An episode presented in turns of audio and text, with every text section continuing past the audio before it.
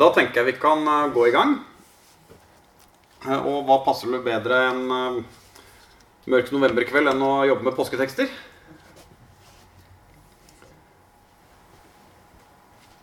I de to første samlingene vi har hatt her, så har vi vært i, i den første halvdelen av Johannes-evangeliet for det meste. Og Johannes-evangeliet har en, en veldig tydelig todeling. Eh, Og en teolog som het Raymond Brown, delte Johannes evangeliet inn i, eh, i to deler. De tolv første kapitlene kalte han for tegnboken, The Book of Science. Og den, fra 13 til 21 kalte han for herlighetsboken, The Book of Glory. Og hvis du eh, gjør et søk i en databibel på disse ordene og ser hvor de dukker opp i eh, Johannes evangeliet, så ser du at ordet 'tegn' dukker opp veldig mange ganger i de første tolv kapitlene. Men ikke så mye i den siste halvdelen. Mens ordet 'herlighet' dukker opp veldig mye i den siste halvdelen, men ikke så mye i den første.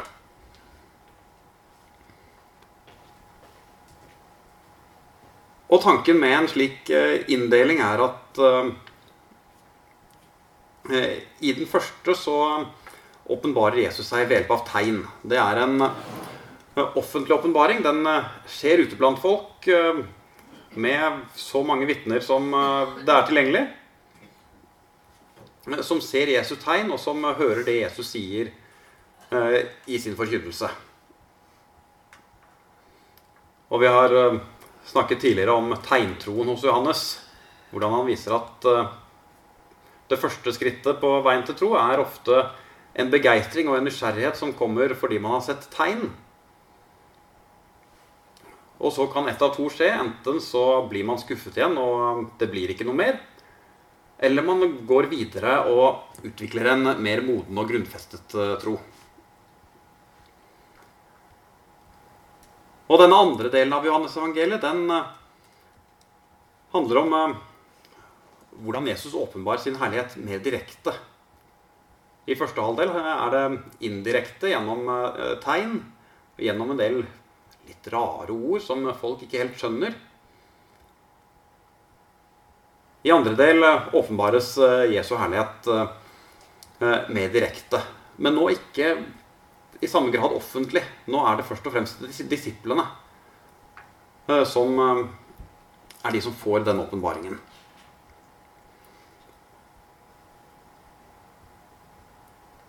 I kapittel 12 så oppsummerer Johannes eh, det han har skrevet så langt, og vi ser at det er, en veldig tydelig sånn midtveisoppsummering. Da har eh, Jesus gjort en del tegn, og så skriver Johannes at enda han hadde gjort så mange tegn for øynene på dem, trodde de ikke på ham. Altså så langt kom han med, med tegnene. For dette ordet av profeten Isaiah skulle bli oppfylt. Herre, hvem trodde vårt budskap? Hvem ble Herrens arm åpenbart for? Derfor kunne de ikke tro. For Jesaja har også sagt, Han har blindet deres øyne og forherdet deres hjerte, for at de ikke skal se med øynene og forstå med hjertet og vende om, så jeg får helbrede dem. Dette sa Jesaja fordi han så Jesu herlighet og talte om ham. Men helt svart er det ikke. For likevel var det mange som trodde på ham, også av rådsherrene. Men pga. fariseerne bekjente de det ikke, så de ikke skulle bli utstøtt av synagogen. De ville heller ha ære fra mennesker enn ære fra Gud. Men Jesus ropte ut, Den som tror på meg, tror ikke på meg, men på ham som har sendt meg. Og den som ser meg, ser ham som har sendt meg. Som lys er jeg kommet til verden, for at ingen som tror på meg, skal bli i mørket. Den som hører mine ord og ikke holder fast på dem, dømmer ikke jeg. For jeg er ikke kommet for å dømme verden, men for å frelse verden. Den som avviser meg og ikke tar imot mine ord, har likevel en dommer. Det ordet jeg har talt, skal dømme ham på den siste dag. For jeg har ikke talt ut fra meg selv, men Far som har sendt meg, har gitt meg befaling om hva jeg skal si og tale. Og jeg vet at hans befaling er evig liv. Det jeg sier, det sier jeg slik Far har sagt meg det.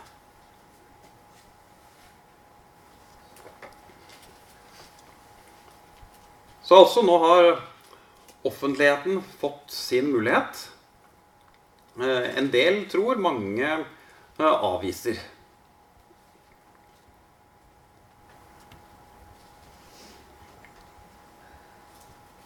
Denne andre delen av Johannes-evangeliet den er eh, hintet litt om flere ganger i den første halvdelen. Flere ganger leser vi om at det kommer en time. Timen dukker opp flere ganger hos Johannes.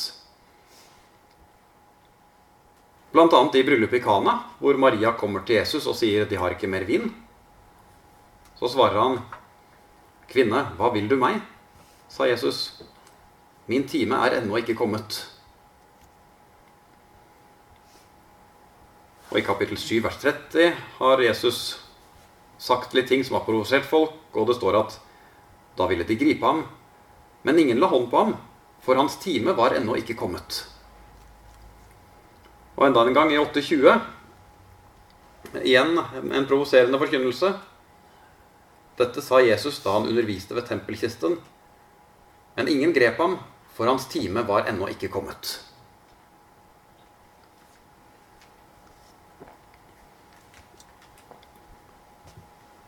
Men så midtveis i evangeliet så kommer timen.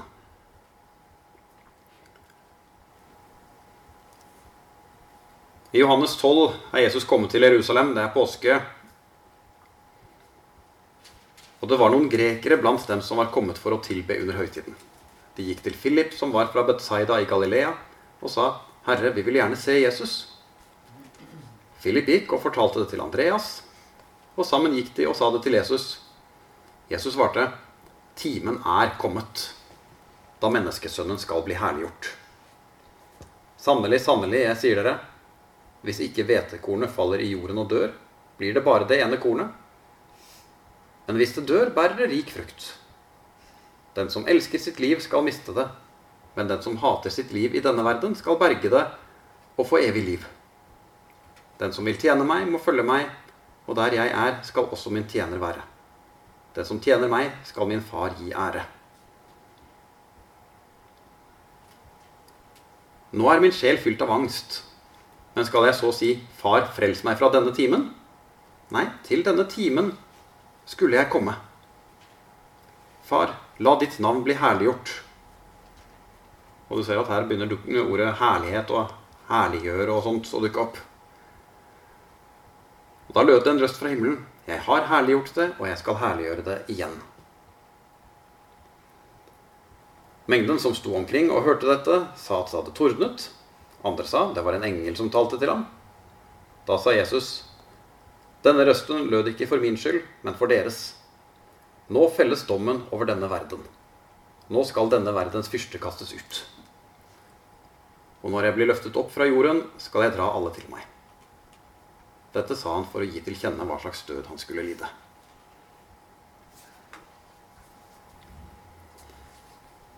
Så nå er altså timen her. Det som er blitt varslet tidligere, det er nå kommet. Det er nå det virkelig gjelder. Nå skal denne verdens fyrste kastes ut. Og det er de som har kommentert at uh, ingen av underfortellingene i Johannesevangeliet handler om demonutdrivelser. Og det er for så vidt riktig, det, men når det her står om verdens fyrste som skal kastes ut, så brukes det samme uttrykket, der vi oversetter 'kastes ut', som brukes i de tre andre evangeliene når Jesus driver ut demoner. Så vi har ikke noen enkeltdemonutdrivelser hos Johannes, men vi har fortellingen om en kosmisk demonutdrivelse, hvor han som har besatt hele denne verden, nå skal drives ut.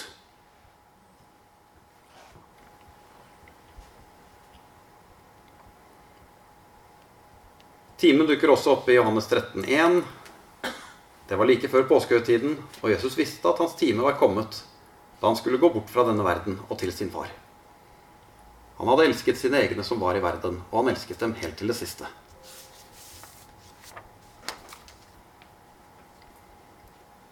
Og når Jesus ber i Johannes 17, den bønnen skal vi komme tilbake til, men uh, da starter han altså med å si Far, timen er kommet. Herliggjør din sønn, så sønnen kan herliggjøre deg.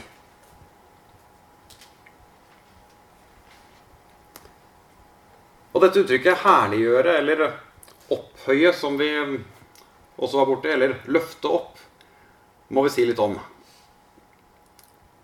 Det brukes hos Johannes eh, både om Jesu korsfestelse og om Jesu oppstandelse. De to smelter på en måte litt sammen i en opphøyelse eller herliggjørelse. Og korsfestelsen den er en opphøyelse rent bokstavelig. Jesus blir løftet opp og hengt på korset.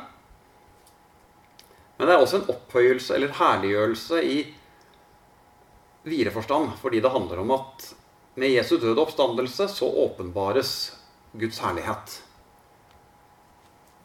På en måte som i første omgang ikke ser ut som herlighet. Man må være på innsiden, man må være av, av de interne for å skjønne det. Og selv, selv de interne skjønte det ikke med det samme, men de skjønte det etter hvert.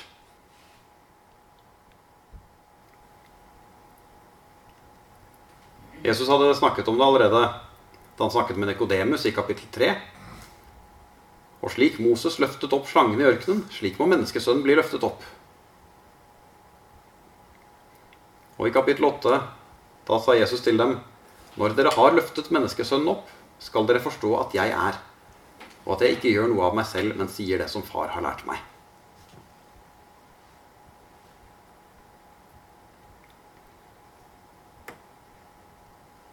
Og Påskens begivenheter de har vært forberedt av Gud i lang tid. Det har vært planlagt og varslet eh, om det som skal skje.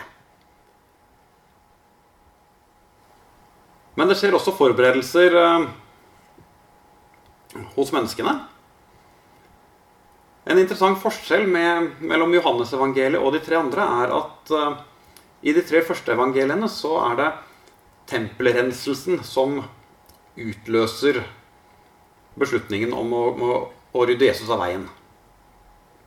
Da Jesus drev ut dem som handlet og solgte offerdyr og vekslet penger på tempelplassen. Det var en såpass sterk opprørsk handling at Det høye råd og overprestene bestemte at han her må vi kvitte oss med. Men hos Johannes er det en annen hendelse som utløser beslutningen om å rydde Jesus av veien, og det er oppvekkelsen av Lasarus. For direkte etter den fortellingen, i kapittel 11, så leser vi om at nå begynner de å sammensverge seg. For mange av jødene som var kommet til Maria og hadde sett det Jesus gjorde, kom til tro på ham. Men noen gikk til fariseerne og fortalte hva han hadde gjort. Da kalte overprestene og fariseerne sammen rådet, og de sa, hva skal vi gjøre? Dette mennesket gjør mange tegn. Lar vi ham holde på slik, vil snart alle tro på ham. Så kommer romerne og tar både det hellige stedet og folket vårt. Overprestenes eh, og Det høye råds strategi overfor romerne, det var samarbeid. Og eh, litt sånn stilltiende godta at, det, at, de var okkupert, og tenke at det er bedre å samarbeide med okkupasjonsmakten for å beholde freden enn å gjøre opprør og risikere at de kommer med Eh, flokker av soldater og, og ødelegger landet vårt. Det var det som også skjedde i år 70 etter Kristus. En av dem, Kaifas, som var øverste prest det året, sa da dere skjønner ingenting. Dere tenker ikke på at det er bedre for dere at ett menneske dør for folket, enn at hele folket går til grunne. Dette sa han ikke av seg selv, men fordi han var øverste prest det året, talte han profetisk om at Jesus skulle dø for folket. Ja, Han skulle ikke bare dø for folket, han skulle også samle til ett de Guds barn som er spredt omkring. Fra denne dagen la de planer om å drepe ham.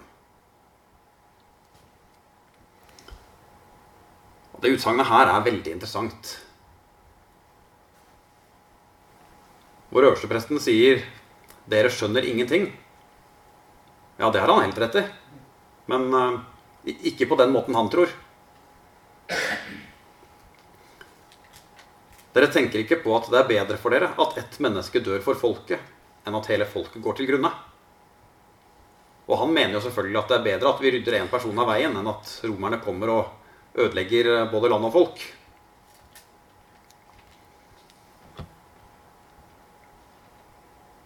Men vi skjønner jo at eh, her treffer øverstepresten spikeren på hodet veldig mye bedre enn han, eh, enn han aner. Eh, en venn og kollega av meg formulerte det slik Øverstepresten kommer i skade for å forkynne evangeliet.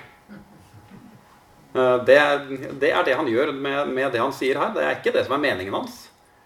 Men uh, han, han, gjør seg til talsmann for, for den Gud han for så vidt mener å tjene, men på en helt annen måte enn det han tror. Og han bidrar dermed selv også til at Jesus blir herliggjort.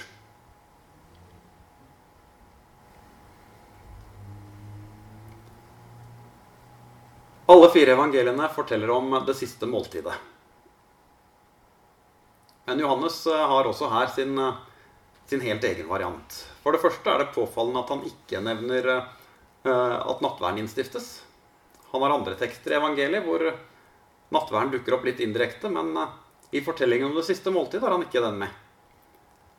I stedet er det han som har med fortellingen om at Jesus vasker disiplenes føtter, og at Peter ikke ville, og at Jesus måtte si at dette er nødvendig hvis vi skal ha noe sammen.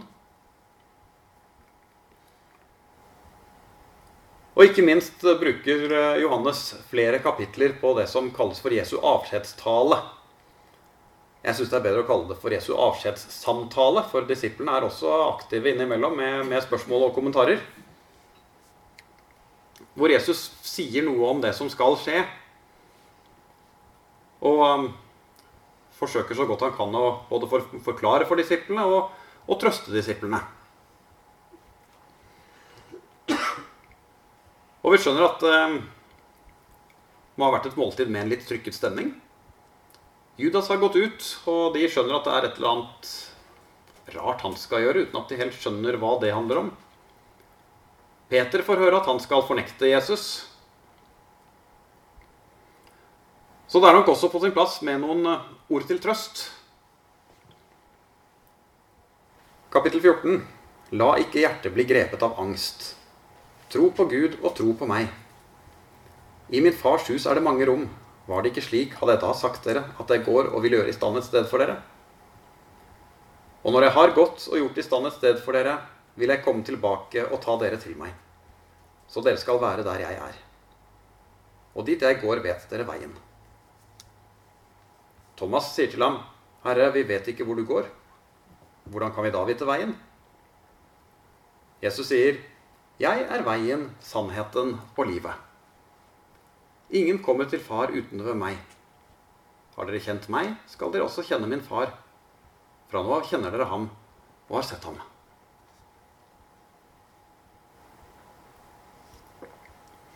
Jesus gjør det klart at han skal gå bort. Og når han snakker om uh, hva det betyr at han skal gå bort, så kan det, det det, er litt Enten er det litt utydelig, eller så er det en bevisst dobbelthet her. For det Jesus sier om at han skal gå bort, det kan passe både med det at han skal korsfestes og dø, og det kan passe med himmelfarten. At han skal eh, gå, uh, gå bort, vende tilbake til himmelen, og ikke lenger være synlig til stede blant disiplene. Og det er lite som er tilfeldig hos Johannes, så jeg tror nok det er mer en, en bevisst dobbelthet eh, enn at det er eh, at det er utydelig. Så sier Jesus noe da om at det skal komme en annen når han ikke lenger er sammen med disiplene. Det skal komme en annen talsmann som kalles for Den hellige ånd. Dersom dere elsker meg, holder dere mine bud. Og jeg vil be min far, og han skal gi dere en annen talsmann, som skal være hos dere for alltid. Sannhetens ånd, som verden ikke kan ta imot. Og var der forrige gang, eller har hørt opptaket fra forrige gang, så husker du at sannhet hos Johannes det brukes synonymt både med Jesu budskap og med Jesus selv. Så når, når Den hellige ånd kalles for sannhetens ånd, så sier det noe om at det er en veldig tett relasjon mellom Ånden og Jesus selv. For verden ser ham ikke og kjenner ham ikke, men dere kjenner ham, for han blir hos dere og skal være i dere. Jeg lar dere ikke bli igjen som foreldreløse barn. Jeg kommer til dere. Snart ser ikke verden meg lenger, men dere skal se meg, for jeg lever, og dere skal også leve. Den dagen skal dere skjønne at jeg er i min far, og at dere er i meg, og jeg i dere.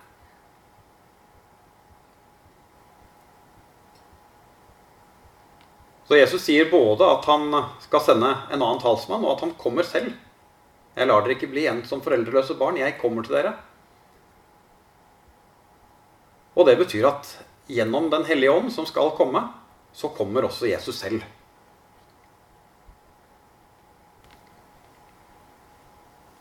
Og Han kommer tilbake til dette temaet i kapittel 16.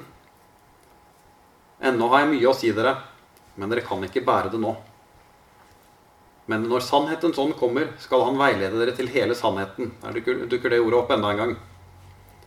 For han skal ikke tale ut fra seg selv, men si det han hører, og gjøre kjent for dere det, han, det som skal komme.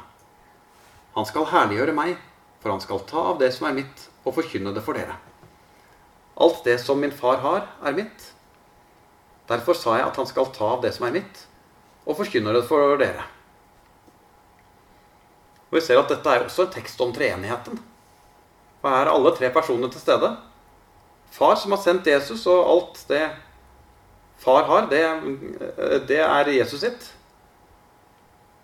Men Den hellige ånd skal ta av det som er Jesus sitt, og, og forkynne det for dere. Slik at det som er budskapet fra Gud vår Far, det, det vil fortsatt være tilgjengelig. Det vil fortsatt bli åpenbart og forkynt gjennom Den hellige ånd.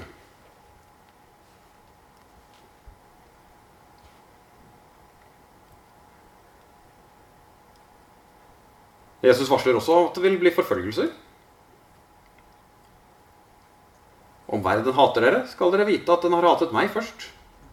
Hadde dere vært av verden, hadde verden elsket sitt eget. Men dere er ikke av verden. Jeg har jo utvalgt dere fra verden, og derfor hater verden dere.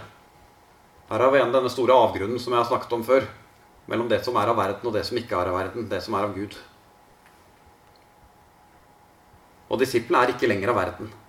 De har tatt spranget over avgrunnen ved å bli født på ny og tro på Ham som Gud har sendt. Husk hva jeg sa til dere. En tjener er ikke større enn sin herre. Har de forfulgt meg, vil de også forfølge dere. Har de holdt fast på mitt ord, vil de også holde fast på deres. Alt dette vil de gjøre mot dere for mitt navns skyld. For de kjenner ikke ham som har sendt meg. Var jeg ikke kommet, og hadde jeg ikke talt til dem, da hadde de vært uten synd. Men nå har de ingen unnskyldning for sin synd. Den som hater meg, hater også min far. Hadde jeg ikke gjort slike gjerninger blant dem som ingen annen har gjort, hadde de vært uten skyld. Her viser han tilbake til første halvdel, tegnboken, og det han har gjort, og det han har sagt i, i den perioden. Men nå har de sett gjerningene og hater både meg og min far. Men de ord som står i deres egen lov, skulle bli oppfylt. De hatet meg uten grunn. Når talsmannen kommer, han som jeg skal sende dere fra far, sannhetens ånd som går ut fra far, da skal han vitne om meg. Men også dere skal vitne, for dere har vært hos meg fra begynnelsen av. Dette har jeg sagt dere for at dere ikke skal bli ført til fall. De skal utstøte dere av synagogen. Ja, det kommer en tid da de som slår dere i hjel, skal tro at de utfører en tjeneste for Gud. Det skal de gjøre fordi de verken kjenner min far eller meg. Dette har jeg sagt dere for at dere skal huske at jeg sa dette om dem når deres tid kommer.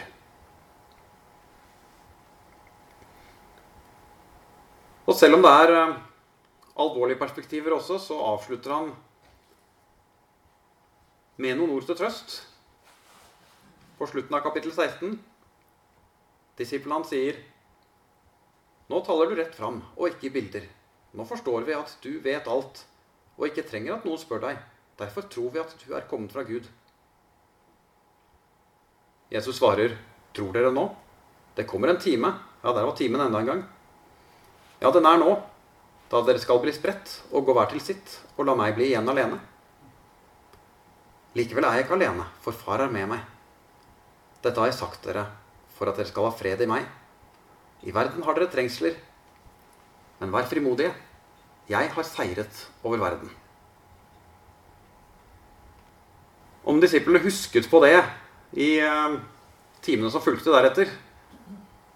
At de skulle være frimodige fordi Jesus har seiret over verden, det, det, det, vet vi ikke, og det er ikke så mye i fortellingen som tyder på det. Men de har husket det likevel, siden det er blitt skrevet ned. Og de skjønte nok en del etter hvert og husket hva Jesus hadde sagt, og ting falt mer på plass etter hvert.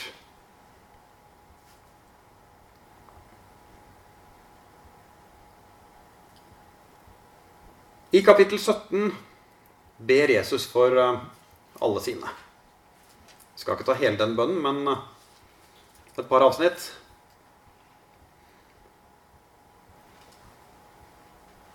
Da Jesus hadde sagt dette, løftet han blikket mot himmelen og sa Og det som kommer nå, det er Johannes-evangeliet oppsummert. Hovedtemaene i evangeliet. Far, timen er kommet.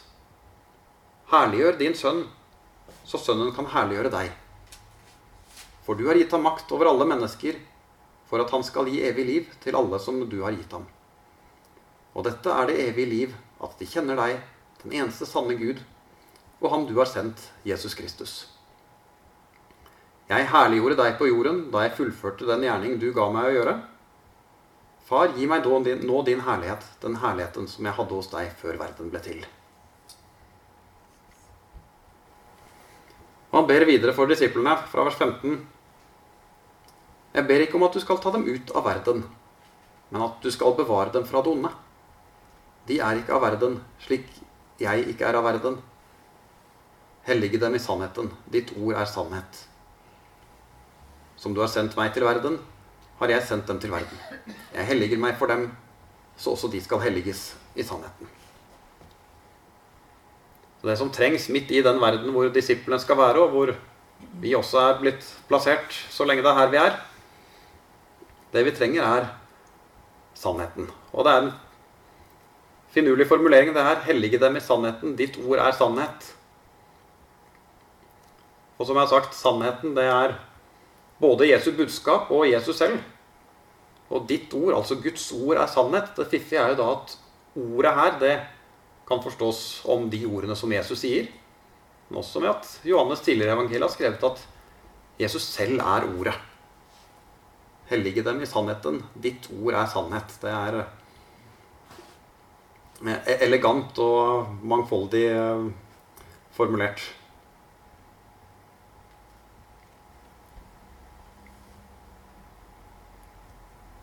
Og så ber han ikke bare for disiplene, han ber også for oss, blant andre. Jeg ber ikke bare for dem, men også for dem som gjennom deres ord kommer til tro på meg. Som f.eks. oss. Vi var også med da Jesus ba denne kvelden. Og han ber om enhet. Må de alle være ett, slik du, far, er i meg og jeg i deg. Slik skal også de være i oss, for at verden skal tro at du har sendt meg. Den herligheten du har gitt meg, har jeg gitt dem, for at de skal være ett, slik vi er ett, jeg i dem og du i meg så de helt og fullt kan være ett. Da skal verden skjønne at du har sendt meg, og at du elsker dem slik du har elsket meg.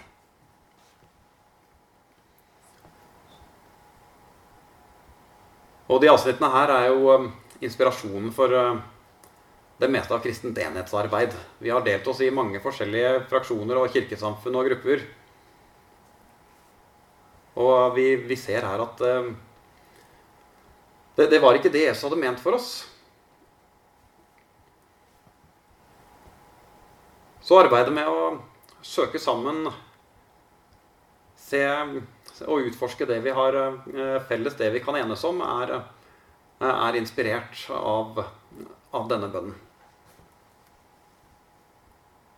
Og så er det også sånn at Kirkelig enhet er ikke nødvendigvis organisatorisk enhet. Det er også en enhet i det at vi har den samme far, er en del av den samme familien og tror på det samme budskapet og har det samme håpet.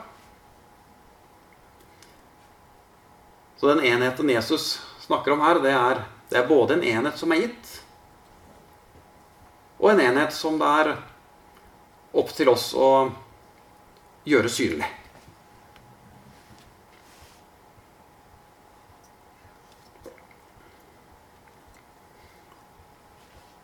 Så kommer vi til selve lidelseshistorien. Jesus og disiplene går ut i Getsemane.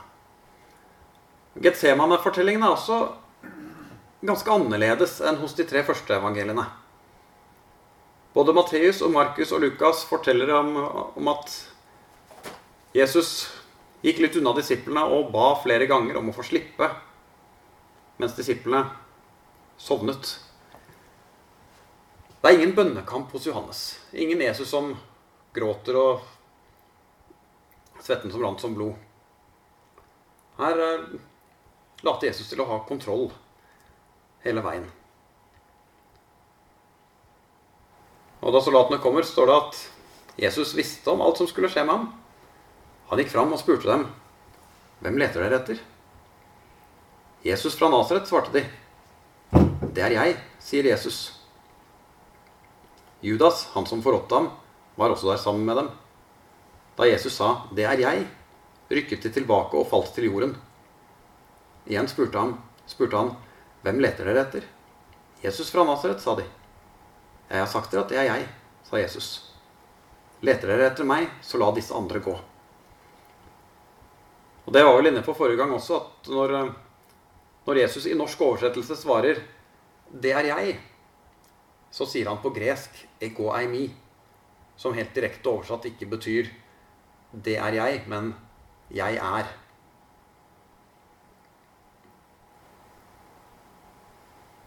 Og når det står at de rygger tilbake og faller til jorden, så er det sannsynligvis det fordi her kjenner de igjen Guds navn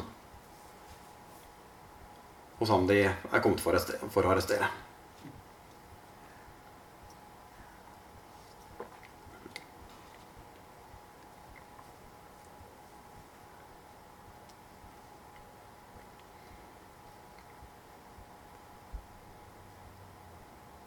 Nå skal jeg hoppe til forhøret hos Pilatus. Og Johannes er den som går mest i detalj på det. Kapittel 18, vers 33.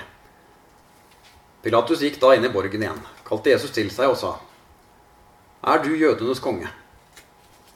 Jesus svarte ham, Sier du dette av deg selv, eller har andre sagt det om meg? Er vel jeg jøde? sa Pilatus. Ditt eget folk og overpresten har overgitt deg til meg. Hva er det du har gjort? Jesus svarte, Min kongsmakt er ikke av denne verden. Var min kongsmakt av denne verden, hadde mine menn kjempet for at jeg ikke skulle bli overgitt til jødene. Men min kongsmakt er ikke herfra. Du er altså konge, sa Pilatus. Du sier at jeg er konge, svarte Jesus. For å vitne om sannheten er jeg født, og derfor er jeg kommet til verden. Hver den som er av sannheten, hører min røst. Hva er sannhet? sa Pilatus. Deretter gikk han ut igjen til jødene og sa til dem, Jeg finner ingen skyld hos denne mannen.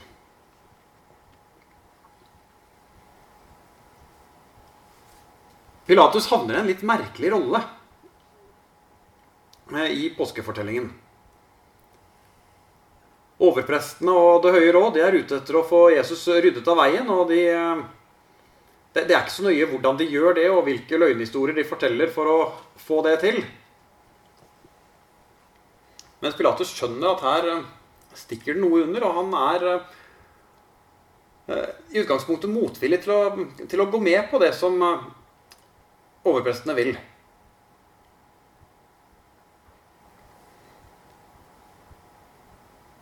Og Jesus sier at han jo, han er for så vidt konge, men uh, kongsmakten hans er ikke av denne verden. Og Pilatus skjønner at dette er ingen trussel mot Romerrikets makt eller en opprører eller noe slikt. Dette handler om noe helt annet. Så han går altså ut og sier at 'jeg finner ingen skyld hos denne mannen'.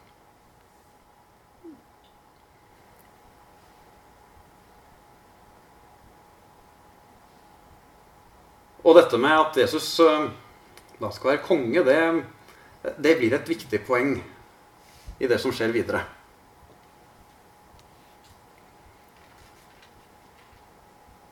Ja, For det første er det ironisk at det er, det er de romerske soldatene som her kaller Jesus for konge. Pilatus grep nå Jesus og lot ham bli pisket. Soldatene flettet en krone av torner og satte den på hodet hans. Og de la en purpurkappe om ham. Så trådte de fram for ham og sa, 'Vær hilset, jødenes konge'. Og de slo ham i ansiktet. De som da ikke har noe som helst forhold til eh, Det gamle testamentet eller jødisk tro eller Messias-profetiene eller noe som helst. Eh, brutale, hardbarkede romerske soldater som har korsfestet folk før og kommer til å gjøre det etter eh, denne gangen også, er de som kaller Jesus ved hans rette navn og kaller ham for jødenes konge.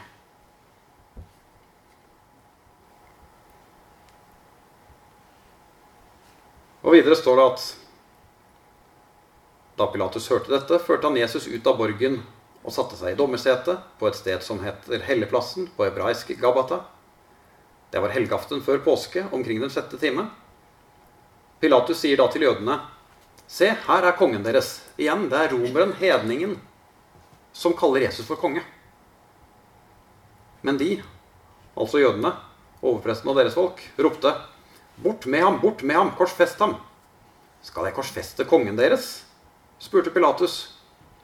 Vi har ingen annen konge enn keiseren, sa overprestene. Da overga han Jesus til dem for at han skulle korsfestes. Dette er veldig ironisk. Og romerne kaller Jesus for det han er. De kaller ham for jødenes konge. Men jødenes ledere, de som jo faktisk kan Gammeltestamentet, de som kan Messias-profetiene, de som burde ha kjent igjen uh, han som Gud har sendt, de sier vi har ingen annen konge enn keiseren. Og for jøder nærmet det seg blasfemi. De skulle ha sagt 'vi har ingen annen konge enn Gud'. Men det er de ikke så opptatt av her. De er opptatt av å få ryddet Jesus av veien. Og da er de villige til å si hva som helst. Og de, de kan godt i eh, øyeblikkets oppfistelse erklære en skikkelig lojalitet til, eh, til Romerriket og den romerske keiseren. Det er helt underordnet.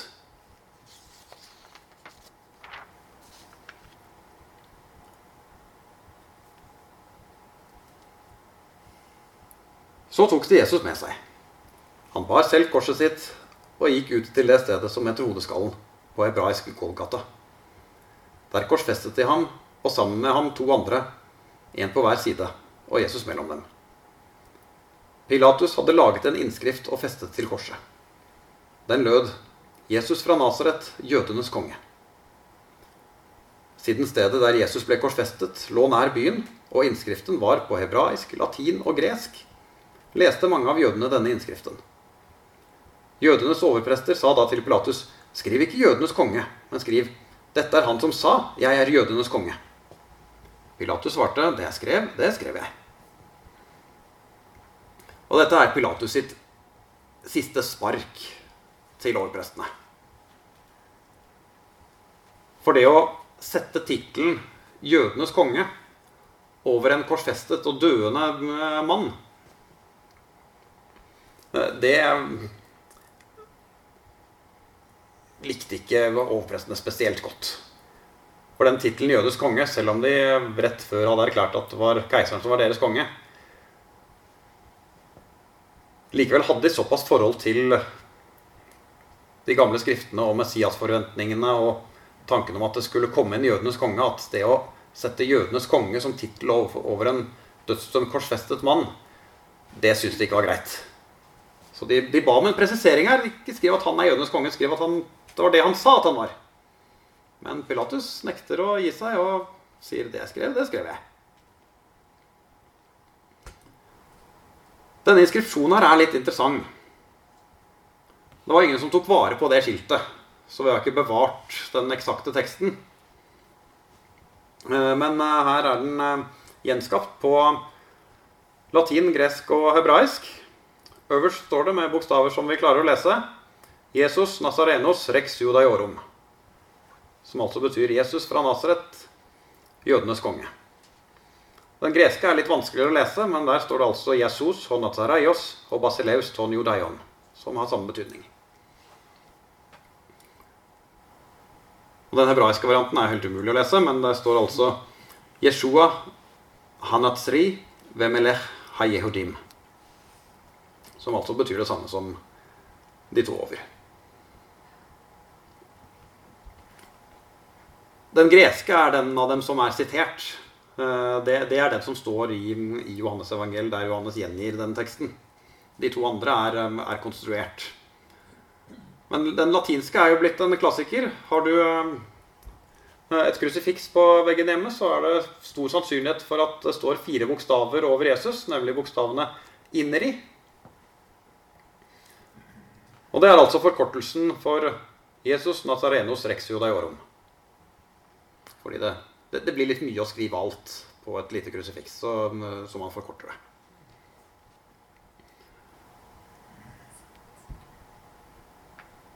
Den hebraiske er også interessant. Og igjen, dette den teksten, det skiltet, ble jo ikke bevart, så vi har ikke den teksten sånn som den sto.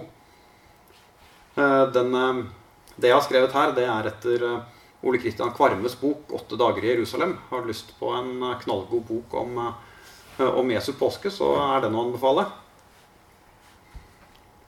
Og Det som er interessant, er at den kan også forkortes. Og da blir det slik hvis du eh, tar eh, de første bokstavene i de fire ordene. Og du må kunne hebraisk for å ta det poenget. Men det som står nederst der, det er altså Guds navn, Javé. Og og om det var slik, det, det vet vi ikke. Det, om den var formulert på en litt annen måte, det, det, det vil vi ikke få vite. Men uh, hvis det var slik, og overprestene oppdaget denne finessen her, så skjønner vi i hvert fall at de ble provosert over det skiltet som hang der. Ikke bare sto de jødenes konge, men de kunne også kjenne igjen Guds navn i den hebraiske forkortelsen.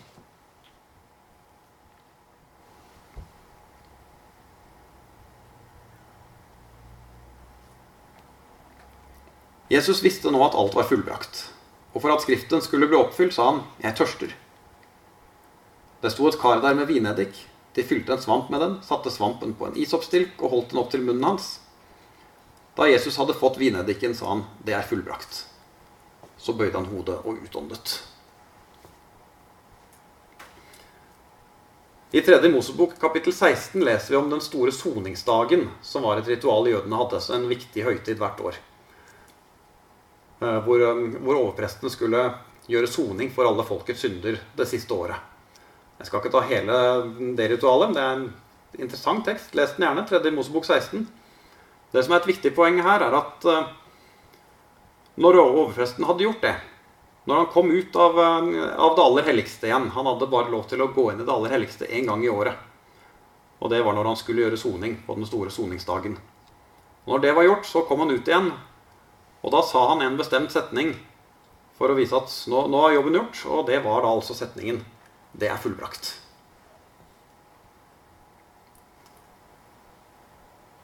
Og når Jesus da sier det samme i det han utånder, så skjønner vi hva det er som skjer. At dette er den store soningsdagen, ikke i året, men i historien. Hvor offeret gjøres en gang for alle slik at menneskene kan bli forsonet med Gud.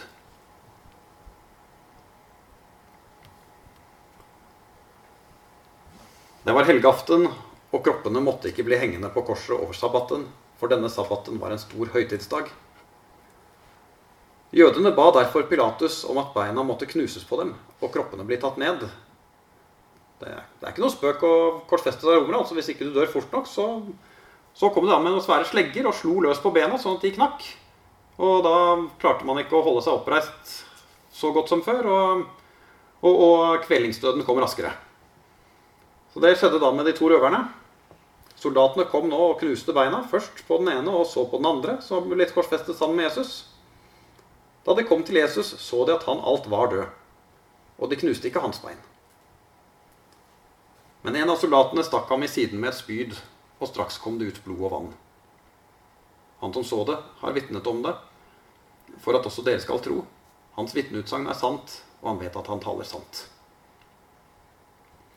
Og dette med blod og vann det utlegges gjerne som et tegn på at Jesus da faktisk var død.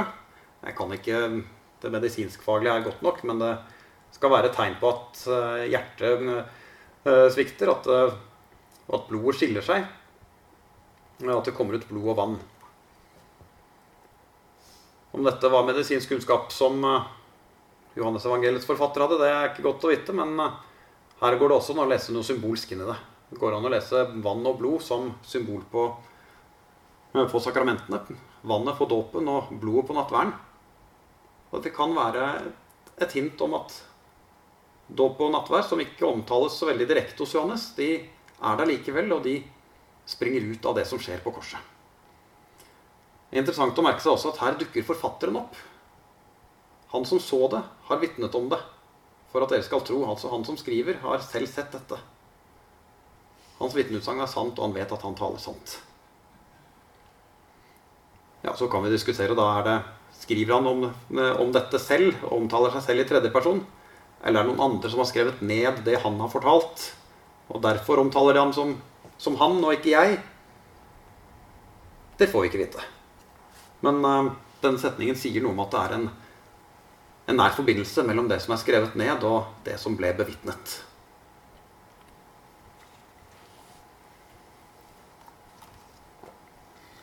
Så kommer vi til påskedagen, og den er viktig.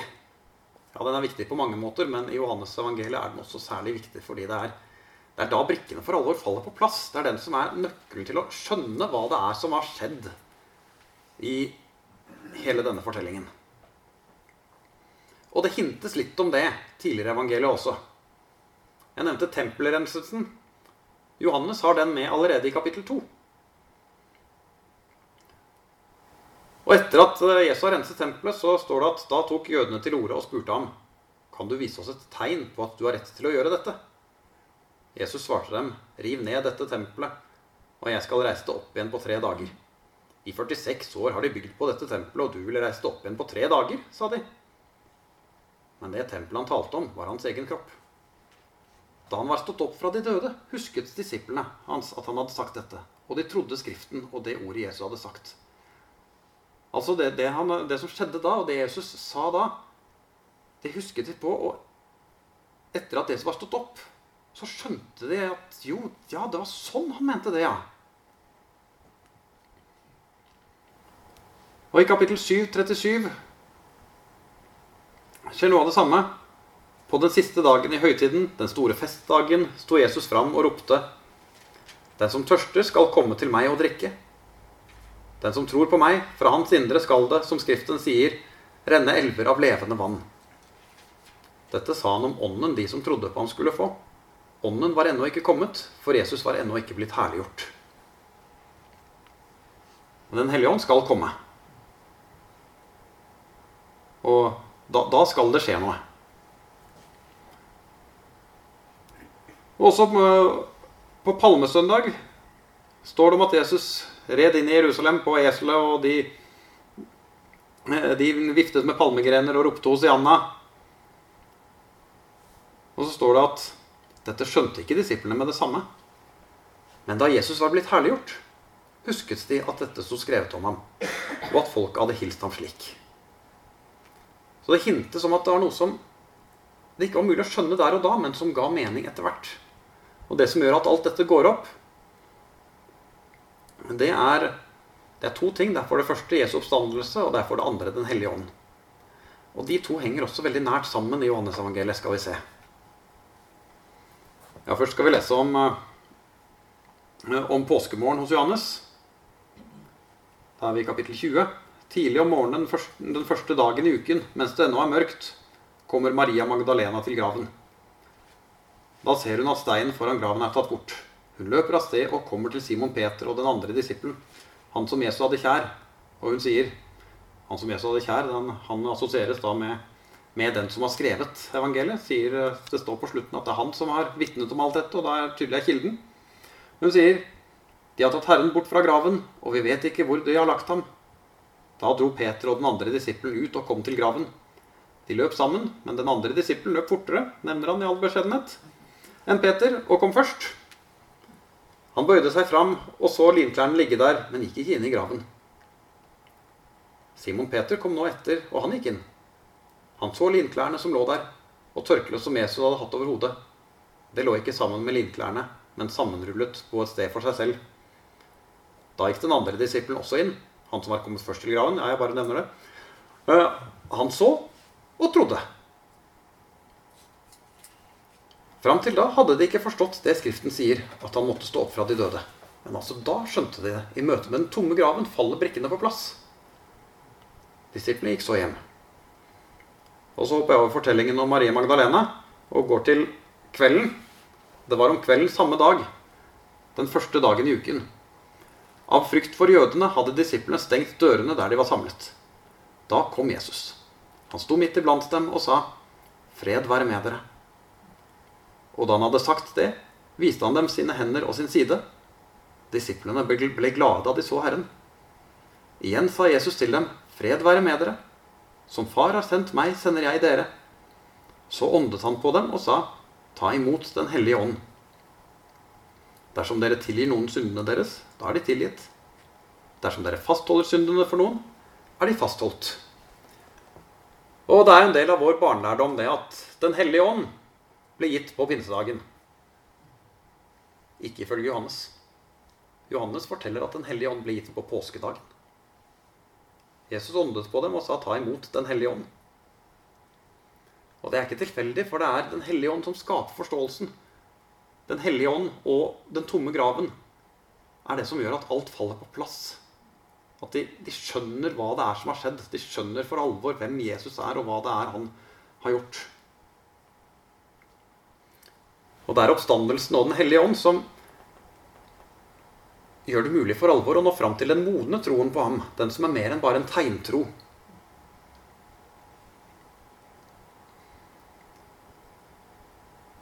Hvis noen nå får anfektelser med at Johannes-evangeliet og apostlenes gjerninger tilsynelatende motsier hverandre, så tenker jeg sånn om det at Den hellige ånd har flere oppgaver.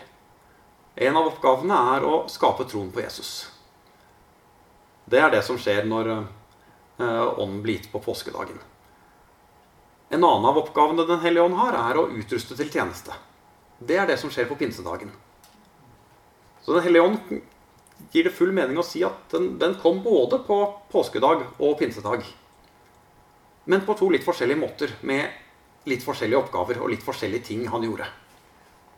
Så de, de passer godt sammen.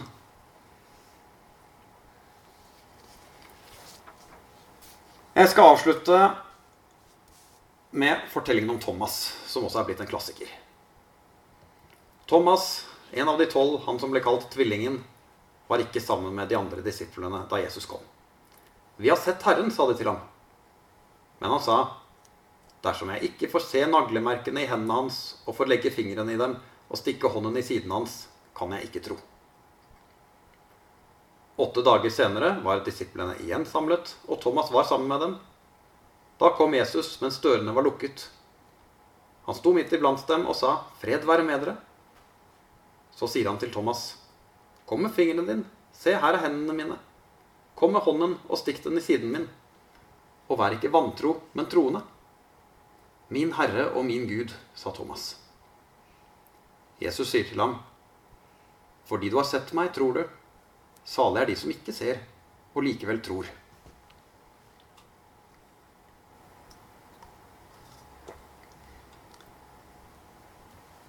Og det Jesus sier til Thomas, er Fordi du har sett meg, tror du. Salig er de som ikke ser, og likevel tror. Er det kritikk?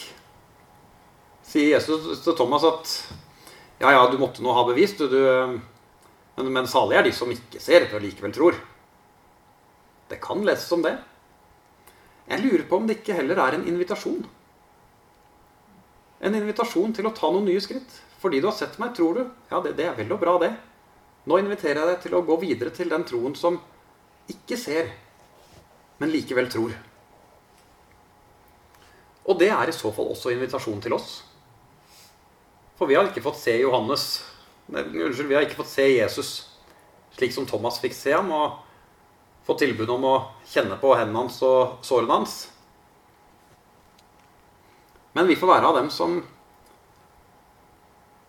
ikke ser og likevel tror, og vi får oppleve at det er mulig. Og det er Johannesevangeliets invitasjon for å oppsummere hele denne serien om Johannesevangeliet.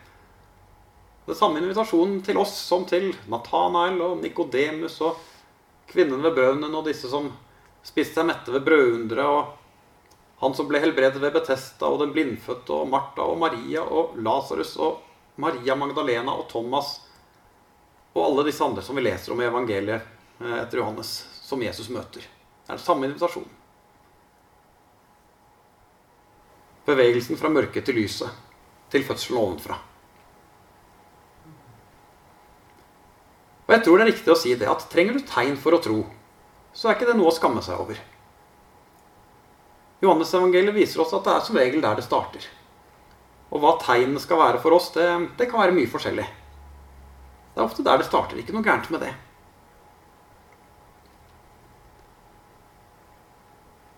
Og skal vi søke etter tegn på, på at Jesus er den han er, sier han er, så kan vi gjøre det i, i Bibelen, i bønnen til ham, i det kristne fellesskapet, i nattverden.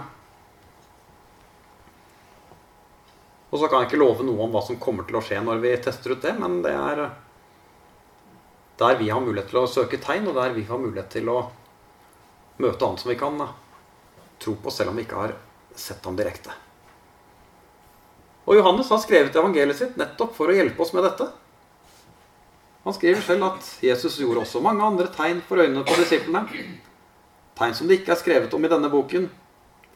Men disse er skrevet ned for at dere skal tro at Jesus er Messias, Guds sønn, og for at dere ved troen skal ha liv i hans navn skal vi be en liten bønn. Jesus, takk for Johannes. Takk for at han skrev ned og ga oss alle disse fortellingene om deg og alt det du har sagt, og dine ord til oss. Takk for at det er mulig for oss å tro selv om vi ikke ser. Og hjelp oss til å ta imot og leve i den invitasjonen til deg til å være av dem som tror, selv om vi ikke ser. Og få være blant dem som er født ovenfra, og som har kommet oss over avgrunnen, og får høre til blant dine. Amen.